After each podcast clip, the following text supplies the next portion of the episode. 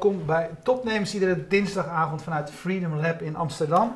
Ik zat net te denken, Stekel, we gaan alweer eh, naar ons eh, zesde jaar. eh, gaan we Ja, ongelooflijk, hè? Ongelooflijk. Ja. Eh, en elke week leuk. Gonnie, Gonnie Spijkstra, eh, welkom. Jij bent van Story First.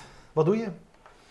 Ik ben eh social strateeg. En eh, omdat ik eigenlijk social vooral zie als middel en niet als doel. ehm, en het eigenlijk de bedoeling is dat je social inzet om te laten zien wat voor onmisbare en mooie verhalen je maakt. Ben ik ook content stratege. En daarom vind ik eigenlijk dat verhalen altijd eerst komen. En dat je daar je vorm, je distributie en dat soort dingen op aansluit. Dus vandaar story first. En voor wie, voor wie is dat? Een, een strateeg vind ik eigenlijk altijd een beetje. Wij, wij, eh, wij, wij hebben het vaak over de bullshit bingo. Dat gaat vaak over woorden waarvan we zeggen ja. Die, die gebruikt iedereen. Strateeg vind ik eigenlijk, als ik heel eerlijk ben, ook zo'n woord. Wat, wat, Ja. wat versta jij daaronder? Wat doe je dan? Ehm, mijn bijnaam op Twitter is ook Jargonie, dus je moet me af en toe vooral een Oh, beetje in de reden vallen. Als je wat bullshit bingo dan- tegenkomt. Dan mag het, vind ik. Ja. Eh, Er ik staat denk- zelfs in je Twitter-account, dus dan is het... Ja, eh, ja. Een soort van disclaimer. Oh ja. Ehm, ik vind dat een strateeg helpt om hele duidelijke keuzes te maken. En vooral in de journalistiek heb je natuurlijk niet onbeperkte middelen, onbeperkte tijd. Dus je, ja, je moet gewoon heel scherpe keuzes maken. Wat, waar zet ik wel video voor in, wat niet? Ehm, wat jouw, zet klant- ik wel... jouw klanten zijn de journalistieke bedrijven. Eh, ja, media vind ik wel echt het allerleukste om te doen. Ja, nou het staat ook in je Twitter-biografie dat je uit een krantenfamilie komt. Ja. Eh, dat intrigeerde mij wel. Welke familie is Ja. dat?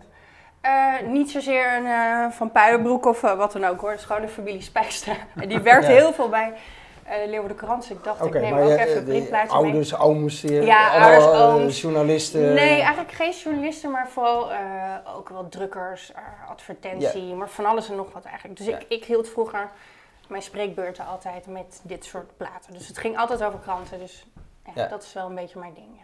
Oké, nou als je het over media hebt, heb je dan nog een, een speciaal zwak voor het papier? Of, eh, Mm, nou, ik vind wel, ik ben heel blij met het feit dat er een soort van onnuchteringsslag wel gaande is in de journalistiek. En dat er steeds meer wel weer een beetje besef komt van, oh, print is eigenlijk niet zo dood als dat we dachten. En print heeft nog steeds heel veel impact. Weer zo'n bullshit bingo woord waar ik het vaak over heb. Impact. Ik vind dat print heel veel impact heeft. Ehm, dus ik heb wel een beetje een zwak voor papier, ja. ja. Maar als je zegt eh, story first, het, ga- het gaat, het gaat in de eerste plaats om het verhaal. Ja. Eh, en, dan denk ik dat is wellicht nieuw voor eh, andere bedrijven, maar allerminst nieuw zou ik zeggen voor media. En dat is, is- ik zou zeggen, ja, dat is, dat is dan Ja. eigenlijk wat media doen. Ja, klopt. Maar toch heb je vaak een beetje van die discussies van ja, wat moet, wat moet nou in, in de krant, wat moet naar online. En eh, redacties die zeggen dat ze eh, web first gaan werken of mobile first. En dan denk ik altijd van ja, oké, ik snap dat wel als je prioriteiten moet stellen qua development of wat dan ook. Dat je inderdaad vooral in mobiel geld steekt. Maar als het gaat om de distributie, stel je hebt een primeur, ehm, ga je die niet zomaar online gooien, maar wacht je als jouw eh, krant groot is en impact heeft, wacht je tot die, eh, als je die primeur kan houden tot de volgende dag, dat je die gewoon in de krant kan zetten, zodat de journaals het ook overnemen en, ja, en je gewoon meer impact maakt. Dus daarom heb ik zoiets van, oké, prima qua investeringen, maar als het gaat om je verhaal en waar je het moet wegzetten, denk dan wel story first en wat het meeste bijdraagt aan dat verhaal. Kun je daar eens wat meer, over vertellen? Je zegt hè, eh, contentstrateeg, eh, eh, dus die verhalen die, die verteld moeten worden. Jij, hebt, jij, jij komt bij een klant en, en, en hoe ga je dan in zijn werk? Hoe ga je dan met zo'n klant kijken naar de onderwerpen en hoe die verhalen het best verteld kunnen worden? Ehm, ik kan wel een voorbeeld geven wat ik bij het FD heb gedaan. Daar hebben we gekeken, hebben we eigenlijk zeg maar de, de, de piramide van Google gejat met die, met die drie soorten content. Daar hebben we er eentje aan toegevoegd. Hebben we gezegd, oké, we hebben verhalen die sowieso verteld moeten worden, waarvoor mensen naar de website komen, de app openen. Dat zijn nou ja, de hygiëneverhalen. Dus de snelle eh, nieuws met duiding. Dan heb je de prikkelende verhalen, de dingen eh, nou ja, die het beter doen op social. Dan heb je de signatuurverhalen. Ja, ik noem dat signatuurverhalen omdat dat gewoon de verhalen zijn die jij eigenlijk als enige kan maken, die echt onmisbaar zijn. En eh, de redactiechef kwam daarna nog met een soort van topje die hij de AAA FD-verhalen noemde. Dus de echte, nou ja, Bahama Papers, die categorie zeg maar. Ja. En ik vind eigenlijk dat je per, je moet sowieso ervoor zorgen dat je timeline op social gewoon representatief is en dat al die verhalen daarin voorkomen. En niet alleen maar die prikkelende, leuke social engagement verhalen. Ehm, en we hadden ook zoiets van, ja, wat je dan zeg maar in het topje van die ijsberg hebt, die echt die triple A-verhalen. Eigenlijk is het zonde dat je die alleen maar, ja, alleen maar in de krant, één keer op Facebook, één keer op Twitter doet. Ehm, maar die moet je eigenlijk gewoon groter maken. En die moeten eigenlijk gewoon gepromoot worden, want dat zijn waarschijnlijk ook de verhalen die zorgen voor nieuwe abonnees. En toen hadden we zoiets van, ja, hoe gaan we dat nou doen? Nou, persoonlijk ben ik niet zo fan van maar reposten, maar dingen een paar keer op Facebook zetten of op Twitter. Ik vind dat nou, niet, ja, niet zo netjes voor je lezers, zeg maar. Ehm, dus toen dachten we, als we nou daar meerdere verhalen van maken, dat noemen ze een soort van atomiseren in content marketing begrippen. Weer een beetje bullshit Het klei- kleinste element van het verhaal pakken. Uh, nee, het in, uit meerdere In onderdelen verhalen, onderdelen hakken. hakken. Nou, Ja. niet hakken. We hebben een metafoor bedacht dat... ehm, eh, dit voorbeeld was dan het afscheidsinterview met Gerrit Salm. Het is echt zo'n FD-verhaal. Want het ging over strategie en politiek. Want Dijsselbloem bemoeide zich met die opvolging. En het ging over leiderschap en over Nederlandse banken. Dus echt zo'n typisch FD-verhaal. En toen zeiden we, oké, dat is het hoofdgerecht. Hoe kunnen we nou, zonder dat we zeg maar, het vlees en de aardappelen eruit halen...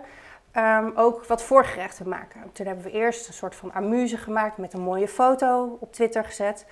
Eh, daarna hebben we een voorgerechtje gemaakt over zijn gamingverslaving en hebben we iemand daar iets over laten zeggen. En daarna is er ook, de journalist ook nog een nieuwtje eruit gehaald, zodat het eigenlijk een soort van opbouwde van een amuse naar iets prikkelends, naar iets echt FD-achtigs, een soort van hygiëne naar dat hoofdgerecht. Met als nou ja, doel natuurlijk dat je gewoon meer impact maakt met dat hoofdgerecht. Dat is natuurlijk lastig te meten, want je weet niet wat het had gedaan zonder. Maar ja, het zorgt wel voor meer bereik. Ja, tot toch is dit Ehm, eigenlijk ja. een, een vrij, vind ik, klassieke benadering Ja. die we kennen. Van Ja, Dat je de, dat in, in deze tijd met, met social de, de, de leven van een verhaal gewoon kunt verlengen. Eh, precies. Ja. door- dus, Maar het is weet je, eigenlijk- maar werkt dit ook uiteindelijk? Is Ja, het is denk ik een beetje een verschuiving van distributie naar dat je je verhalen inzet voor promotie.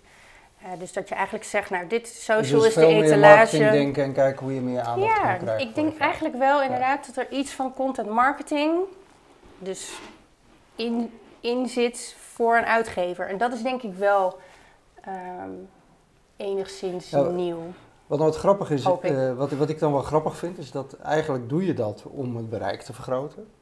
Eh, meer lezers te trekken, zorgen dat meer mensen het zien. En eh, nog niet zo heel lang geleden schreef jij een, een column met als titel Fuck het bereik. Quick bereik, ja. Het gaat over impact. Het Ja. het, weet je, wel, hou op met dat focussen op dat alle verhalen zoveel mogelijk gelezen moeten worden. Ja. Eh, want daardoor gaat iedereen hetzelfde doen. Ja. Dat was toch eigenlijk jouw Ja, punt, hè? klopt. Kun je dat toelichten, wat je daarmee bedoelt? In, nou, in die case die ik net noemde, het is natuurlijk veel makkelijker om allemaal eh, artikelen te schrijven over de gameverslaving en dat soort dingen, omdat die het nou eenmaal heel goed doen op social. Maar we hebben hier echt gekozen om op te bouwen naar dat ene verhaal eh, met dat afscheidsinterview, wat het in principe niet per se heel goed doet op social. Ehm, dus daar gingen we echt wel voor impact. Op, ja, wat dat dan ook is. Maar zeg waarom maar. is in jouw visie impact zo belangrijk? Ehm, Belangrijker dan bereik, want dat is wat jij nou, zegt. hè? bereik is echt een advertising metric. Dus het gaat echt om inderdaad zo groot mogelijke inventory maken, zodat je maar zoveel mogelijk banners kan uitserveren. En impact gaat, en die is natuurlijk voor elke titel anders, eh, meer over iets wat het met de lezer doet. Maar kunnen ze niet samen gaan dan? Dus, eh, nu Tuurlijk. lijkt het alsof Ja, het twee nee, verschillende dat, dingen zijn. tuurlijk. Tuurlijk. Het, het klinkt om- heel kort door het, de Het bocht. gaat om waar focus je op. Probeer je verhalen Ja. met bereik eh, te maken, los Precies, van of de ga je inderdaad voor impact? of focus je op impact. En En, je- en ja. jij zegt heel stellig, impact, dat is de lifeline van de journalistiek. Ja, het hangt er wel een beetje vanaf. Kijk, ja, eh, sommige. Kijk, de NOS Waar- waarom- moet ze gewoon zeg maar dat. Waarom dat, zwakt het nou af, die kop? Ja, maak hem sterker. Ja, Ja, is het nou zo fuck bereik. ja. ja, ik vind het wel. Ik, ik vind wel, ehm, ehm, vooral omdat online advertising gewoon een model is wat ja, redelijk stuk is. Ik bedoel, er is gewoon geen Ja, schaar zijn stuk het qua content. Ja. Eh, dus dat, en, en daar komt ook nog eens bij dat we de afgelopen maanden wel hebben gezien dat er gewoon noodzaak is voor andere journalistiek. En die is gewoon niet gebaat bij aandacht. En aandacht gaat gewoon over iets roepen, verontwaardiging, eh, eh, Ja, maar Eh, anderzijds is impact eigenlijk de moeilijke... kijk, weet je, Bereik is nou helemaal eh, makkelijk is te meten. makkelijk te Hè, meten. dus dat Ja. is, ik, ik heb vroeger bij de VPRO gewerkt en daar was het probleem wat je daar altijd had met televisie, met radio, et cetera. Nou, moesten we als, als VPRO zeggen, ja, we hebben wellicht maar 100.000 of 200.000 kijkers, maar hè, dat zijn wel de juiste kijkers. Ja, maar dat stuk dat werd aan het eind van de rit eigenlijk altijd van tafel geveegd, want aan het eind van de rit, ook bij de publieke omroep, eh, gaat het... eh, om, gaat om kwantiteit. Ja. gaat het altijd om bereik. Dus, eh, dus in, jou, in, jouw geval, als je met zo'n partij spreekt, hoe maak jij die impact, of hoe vind jij dat, dat, een, dat een krant, een mediabedrijf die impact hard kan maken? Wanneer heeft iets impact? Wat is dan, de, de- wat is dan Eh, zeg maar nou, de metrics? In ieder geval... eh, Metric, metric. Metric, ja. Nou, ik, ik, ik- Ja, Nee, sorry, ik begon. Nee, maar nu gebruik jij het opeens ook, dus dan ga ik ervan uit dat ik leer, ik leer hier elke week. Nee, bovendien, wij, krijgen altijd reacties op Twitter, althans niet altijd, maar Roos van Vught is nu bij gaan houden welke jargonwoorden je allemaal Ja, gebruikt. lekker. Oh, metric. Dank je, Roos. Dank je Ja, wel, goed, hè, Roos. wat, hoe maak je hard dat je, eh. Dat je impact hebt? Zijn dat de juiste mensen? Zijn, is dat een aantal artikelen op andere media? Wat Ja, nou, dat, dat, dat geeft in ieder geval al wel iets aan dat je inderdaad iets unieks hebt gemaakt, iets authentieks. eh, als je inderdaad wordt gequote door andere media. Eh, maar ja, dat is natuurlijk niet iets waarover je gewoon real-time kan rapporteren of wat dan ook. Je zou natuurlijk ehm, eh, de bezoeker kunnen vragen hoe onmisbaar vind je dit stuk? Of als jouw missie is om dingen inzichtelijk te maken, kan je ook vragen eh, aan het eind van een artikel eh, heb je nu meer inzicht gekregen over puntje, puntje, puntje. Je zou dat kunnen koppelen weer aan kwantitatieve dingen. Dus misschien komt er wel uit dat het aantal ehm, leesminuten waar bijvoorbeeld NRC op rapporteert een voorspeller is voor of mensen dingen gaan begrijpen of niet. Weet je wel, dan kom je alweer meer in de buurt van wat jouw Ja, maar missie sowieso hoe ik het begrijp. titel. Kijk, per definitie hebben denk ik dingen met heel veel impact ook veel bereik. Maar het gaat toch uiteindelijk veel meer om eh, waar je op focust in het, in het proces van het, het maken en het produceren. Precies. Dan weet je wel, is het plat bereik wat je zoekt en dondert niet wat er in die krant staat. Wat natuurlijk, eh, daar, daar zet je je toch tegen af. Weet je, focussen op goede verhalen en dan komt dat bereik vanzelf. Ja, en goede Ja. verhalen die passen bij waarom je doet wat je doet, zeg maar. Waarom Ja, jij nou Terug naar, naar op de- aarde bent eigenlijk. Ja. Ja. en wat jij beter wil maken in het leven van je lezer. En als je vanuit dat oogpunt elk verhaal maakt, dan ben je denk ik goed bezig. En niet om inderdaad bereik te scoren of eh viral te gaan of eh, wat dan ook. Ja, wat ik heel dan, leuk dan vond moet je van die, inderdaad... wat ja. ik heel leuk vond van die blog van jou is dat je ook eraan koppelde voor mensen die dat zouden willen een paar hele concrete metrics om in jouw jargon te Ja. blijven of doelstellingen die je zou kunnen hanteren eh, om zeg maar meer op impact te focussen en niet op dat bereik. Misschien moeten we die even doornemen. Vond ik, vond ik echt Ja, heel ik wil, leuk. ik, wil- ik wil even laten horen waarom ik een klein beetje moest glimlachen. Want Frank Mees vraagt of er al een jargonie bingo kaart is. Een leuk spel. Dank je Frank. Eh, Oké, ja. want je, je- je zegt eh, de titel is Fuck het bereik, het gaat om de impact. En hoe kun je Ja. dat nou eh, doen? Do- eh, op welke dingen moet je dan gaan letten? Je noemt er vier. Ja. Eh, de eerste is het absolute aantal directe bezoekers. ja, Dat zou meer maatgevend zijn. Ik dan- vind dat een ondergeschoven kindje. En, eh, Maar leg eens uit wat je daarmee nou, bedoelt. we hebben zo lang gezegd, de homepage is dood. En de uitgevers waren er ook een soort van trots op. Van de homepage is dood, iedereen komt via de zijingang, want social doet het zo goed. Ja, en dat gaat Ja. direct een verhaal in en niet meer via de homepage. Precies, ja. maar je directe bezoeker is wel zo ongelooflijk waardevol. Want het zijn mensen bij wie een plekje gewoon in hun... in Precies, of inderdaad die app eh, op zijn homescreen heeft staan en opent. Ja. die moet je echt koesteren. Die vertonen sowieso ander gedrag. Die eh, eh, blijven veel langer lezen, veel meer artikelen. Dat zijn de Je hebt gewoon een plek in Ja. hun leven eh, gekregen. En dat, is, dat vind ik heel knap. Dus als dat stijgt en dat... En ik vind eigenlijk ook dat social, en dat is misschien raar om als social stratege te zeggen, maar daarom zie ik social vooral als promotiemiddel, niet zozeer als distributie. Je aandeel, of je absolute, hoe zei ik het ook weer? Aandeel, aantal, absolute aantal social verkeer. Ja. Oh ja, nee, Nee, je de- aandeel nee, social moet eigenlijk is- omlaag. De tweede doelstelling zou moeten zijn een dalend aandeel van verkeer uit sociale media. Precies. Want dan, Veel mensen denken, hé, een dalend verkeer uit sociale media? ja, want ik denk dat dan ben je erin geslaagd om via social die mooie, onmisbare verhalen inderdaad aan de man te brengen. Waardoor ze op een gegeven moment zich abonneren op de nieuwsbrief, die app downloaden, eh, direct naar je toe komen En directe bezoekers worden. en directe bezoekers worden. En dan heb je, ze weer, heb je weer echt een directe relatie met ze, zeg maar. Dus social moet je op de juiste manier inzetten, maar vooral niet... Niet, niet als doel op zichzelf. Het moet leiden tot iets. Precies. Ja. Welke had ik ook weer Derde, meer? verdient sociaal verkeer. Oh ja. Ehm Als is ook altijd een beetje een stokpaardje. Misschien dat Frank die ook op zijn bingo kaart heeft staan. ik lette bij, toen ik bij de Telegraaf zat vooral op... Leg eerst even Frank uit heeft, wat het is. Frank heeft Ja. daar ook met jou gewerkt. Daarom, ja, ja, Ja. ja. Leg even uit Ja. wat het is, want ik moest ook even nadenken voordat ik dacht, oh ja, ik Ehm, snap het. Het verkeer dat komt doordat bezoekers ehm, artikelen met elkaar delen. Dus niet wat jij zeg maar pusht op je Facebookpagina, wat eigenlijk gewoon hetzelfde is Dus als... niet, ik, ik, ik publiceer wat, maak een Facebookbericht en Precies. van dat Facebookbericht gaat het verkeer terug naar die blogpost. Precies, maar datgene, een bezoeker komt naar je toe. Nou ja, dat is eigenlijk ook weer direct bezoek of via een nieuwsbrief of wat dan ook. Eh, druk daar op de knop, ehm, deelt dat met vrienden en vrienden eh, klikken daarop en komen weer op de artikelpagina. Ehm, het zou ook kunnen komen dat het komt omdat andere pagina's het hebben gedeeld. Maar ja, dan heb En dan je bedoel ook... je met verdiend v- verkeer Ja, dat mensen dat dus eh, delen uit zichzelf omdat ze hebben het gedaan. een Precies. interessant artikel. Eigenlijk zeggen Ja. ze daar mee en dat is natuurlijk heel knap. En met name als ze het delen via e-mail en WhatsApp, zeggen ze: hey, ik moest aan jou denken, ik beveel dit artikel aan jou aan. Ja, hoe sterk is dat? En als vervolgens mensen daarop klikken en het gaan lezen, ja, dat is heel ander social verkeer, vind ik, dan als je het inderdaad pusht via je Facebookpagina. De Ja. vierde is verwijzend verkeer. Ja, daar hadden we het net over inderdaad. Dus dat je ehm, overgenomen wordt door andere media. En eh, Ja. ja. dat zegt gewoon iets over hoe goed, uniek jouw verhaal is. Denk En als je deze, deze vier punten hebt, als, je, als een, jij met een, een, een bedrijf werkt, maak je dan een soort van, met hun een soort van dashboard, zodat ze dit dagelijks, wekelijks, et cetera, kunnen, in kaart kunnen brengen? Hoe, hoe goed ze scoren op, eh, op deze metrics? Ja, dat zou kunnen. Ik, ik, eh, Ja, hij blijft erin, hè? Eh, ja, dat zou een optie kunnen zijn. Ja, En je zou ook eh, een dashboard met dit soort dingen kunnen maken om te kijken wat voor distributiestrategie je maakt. Wel, waar je welk verhaal wegzet. Eh, Ja, dat je, maar dat je dit, ik, ik, ik snap je verhaal, ik, vind, en, eh, ik kan me er alles bij voorstellen, maar hoeveel moeite kost het jou om dit verhaal eh, te, te, te verkopen aan, aan de mediabedrijven? En want ook daar, mijn uitgangspunt is uiteindelijk, weet je, ik vind het ook helemaal heel waardevol. Uiteindelijk gaat het gewoon, weet je, hoeveel bezoekers hadden we gisteren, hoeveel kijkers hadden we gisteren.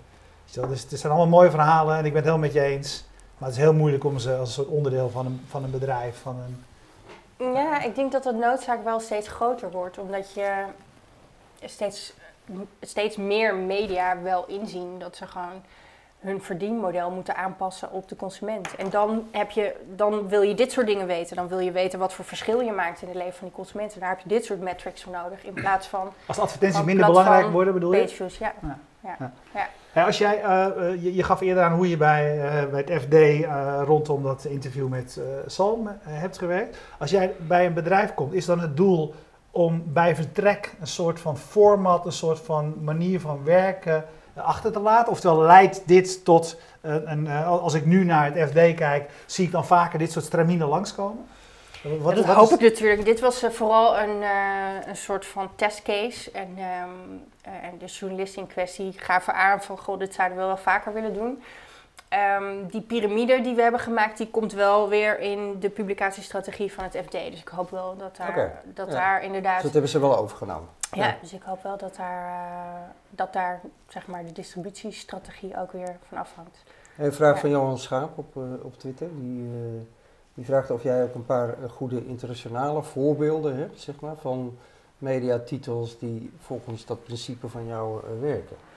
Dat weet ik eigenlijk niet. Nee, ik heb Het zou wel interessant wel... zijn om ehm, eens over na te denken. Ja, ik heb wel het gevoel dat er steeds meer content marketing principes worden toegepast bij uitgevers. Maar ja, ik weet eigenlijk niet of. Nee, nee dat Ja. weet ik niet.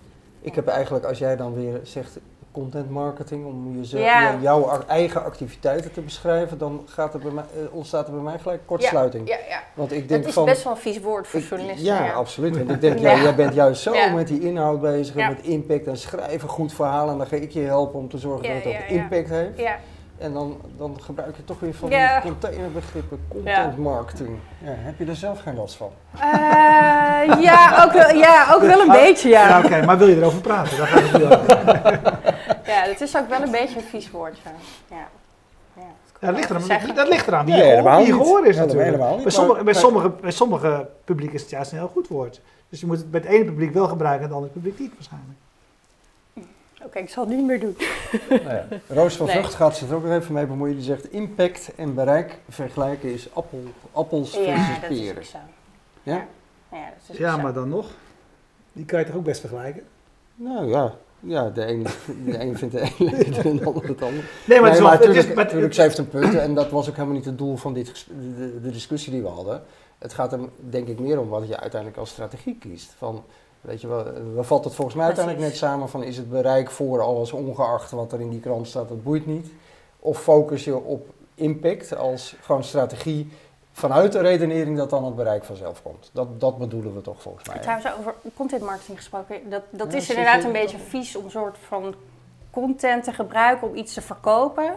En in, in het geval van uitgevers zou je dan inderdaad content maken om je content te verkopen. Is natuurlijk een beetje gek, maar je ziet wel steeds meer dat er een soort van meta-verhalen worden gemaakt. Dat vind ik wel heel interessant. Bijvoorbeeld de Telegraaf doet het met de campagne eh, Het verhaal achter het nieuws. Dus eigenlijk inderdaad het verhaal achter het verhaal. Dus die laten een beetje zien hoe die journalisten op pad gaan. Ehm, nou ja, het stuk van Rob Wijnberg was natuurlijk ook heel erg over, van, over de rol van journalistiek. Was ook heel erg meta. En je ziet wel dat het heel veel impact heeft. Dat stuk heeft geloof ik 600 abonnementen eh, opgeleverd. En, Nou ja, dat soort dingen werken wel. Podcast is natuurlijk ook best wel een beetje meta. Wat natuurlijk wel zo is, je zit natuurlijk op een.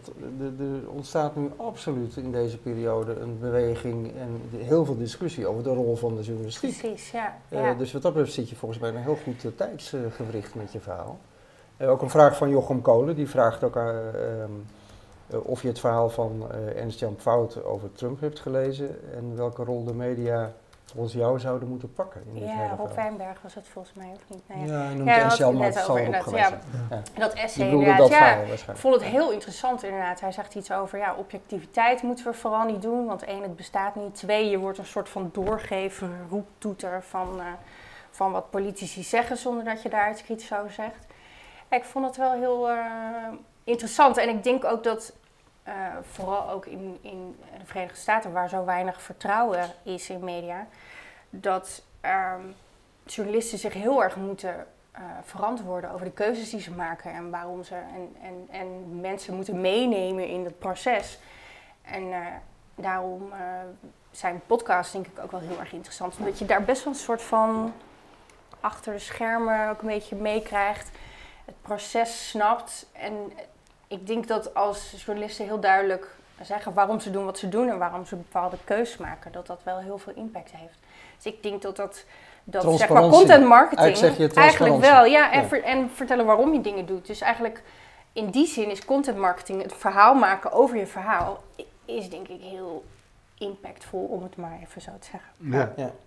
Ja, dus ik denk dat we dat in Nederland ook meer moeten doen. Dus vandaar dat dat stuk van Roep Wijnberg, denk ik, ja, en het heeft de tijdsgeest natuurlijk alles mee. Ja, ik denk als je het zo eh, transparante journalistiek zou noemen, dat dat toch anders overkomt dan content marketing.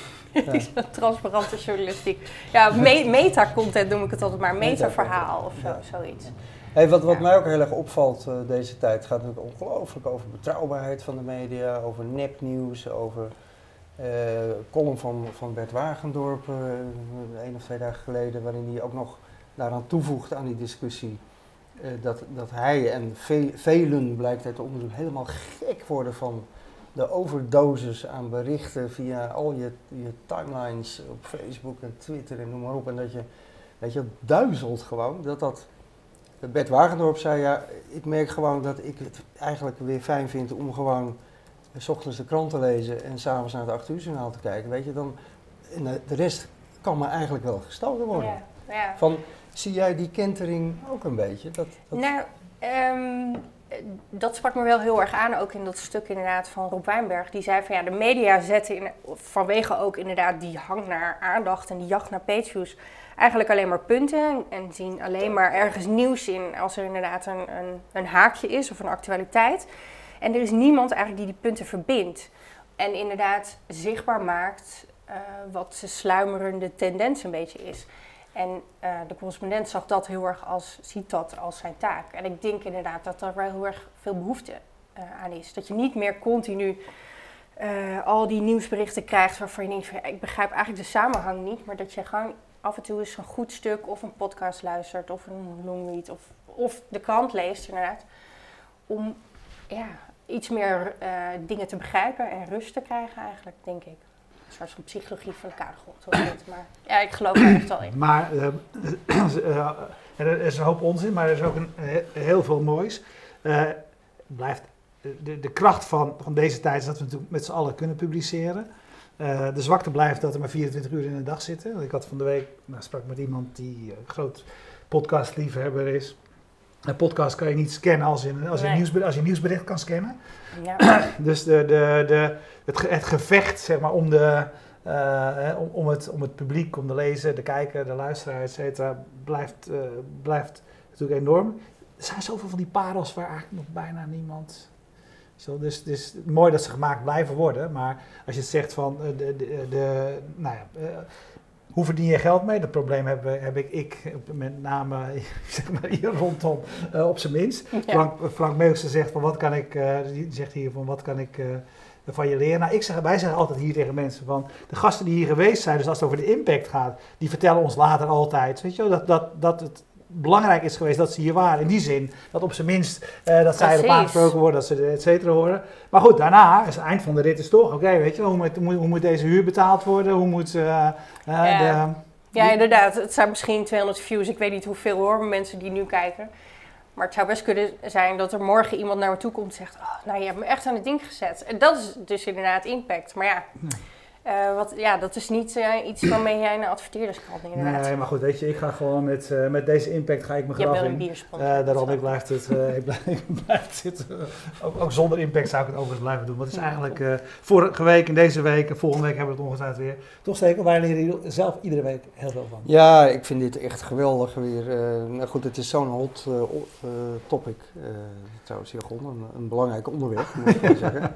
Eh, de journalistiek. Dus eh, nou, ik vind het ontzettend gaaf hoe jij eh, zeg maar, vanuit die inhoud weer op die impact eh, eh, eh, komt. En ik geloof er ook heilig in. Ik denk dat die kentering vanzelf weer komt.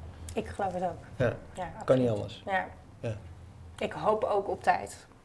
Zeg maar, met de komende maanden. Ja, het zijn spannende tijden wat dat betreft. En de rol Ja, van de media ligt meer dan ooit onder het vergrootglas. Maar is, het belang daarvan is ook meer dan ooit duidelijk. Ja, ik. mega. Oké, super. Eh, Dankjewel. dankjewel. Ja. Zie je wel dat het, half uur, dat het half uur best snel voorbij is? Want we hadden het van Ja. tevoren nog eventjes over. Want dat is ook, ook zo'n dingetje. Dat wil ik, wil ik graag maar eventjes vertellen. Want het is best wel een...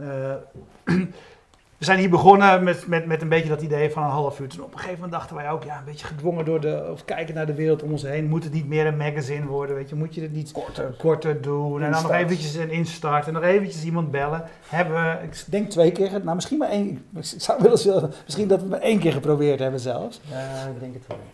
En, eh, en ik snap dat model helemaal voor als je naar televisie kijkt. Hè, want je wil die mensen vasthouden op je zender, et cetera. En je wilt voor een groot publiek doen. Maar wij merkten toen, en dat heb ik hier wel eens vaker gezegd, wij maken het ook voor, ons, eh, voor onze gasten.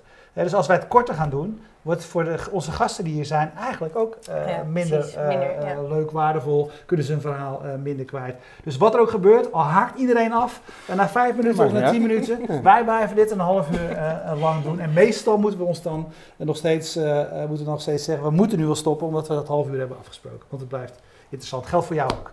Ontzettend bedankt. Zoals je zei, het, gouden, het grote geld komt hier binnen. Dankzij eh Bier Co, de sponsor. Eh, en heb jij ook je eigen sponsor meegebracht? Ja, ik Wijn heb, Co. eh, Ehm, eh. en we danken zoals altijd Streamzilla die ervoor zorgt dat je live kunt meekijken iedere week weer. Uh, eventjes kijken, 2ML, dat is uh, de, de, het bedrijf dat ervoor zorgt dat de website van Fast Moving Targets altijd up and running is. En Freedom Lab, dat is de plek waar we zitten hier in Amsterdam. Kijk je live, blijf dan kijken. Kijk je on demand, dan weet je dat je ons gigantische uh, archief kunt doorploegen. tot zo direct. Dag.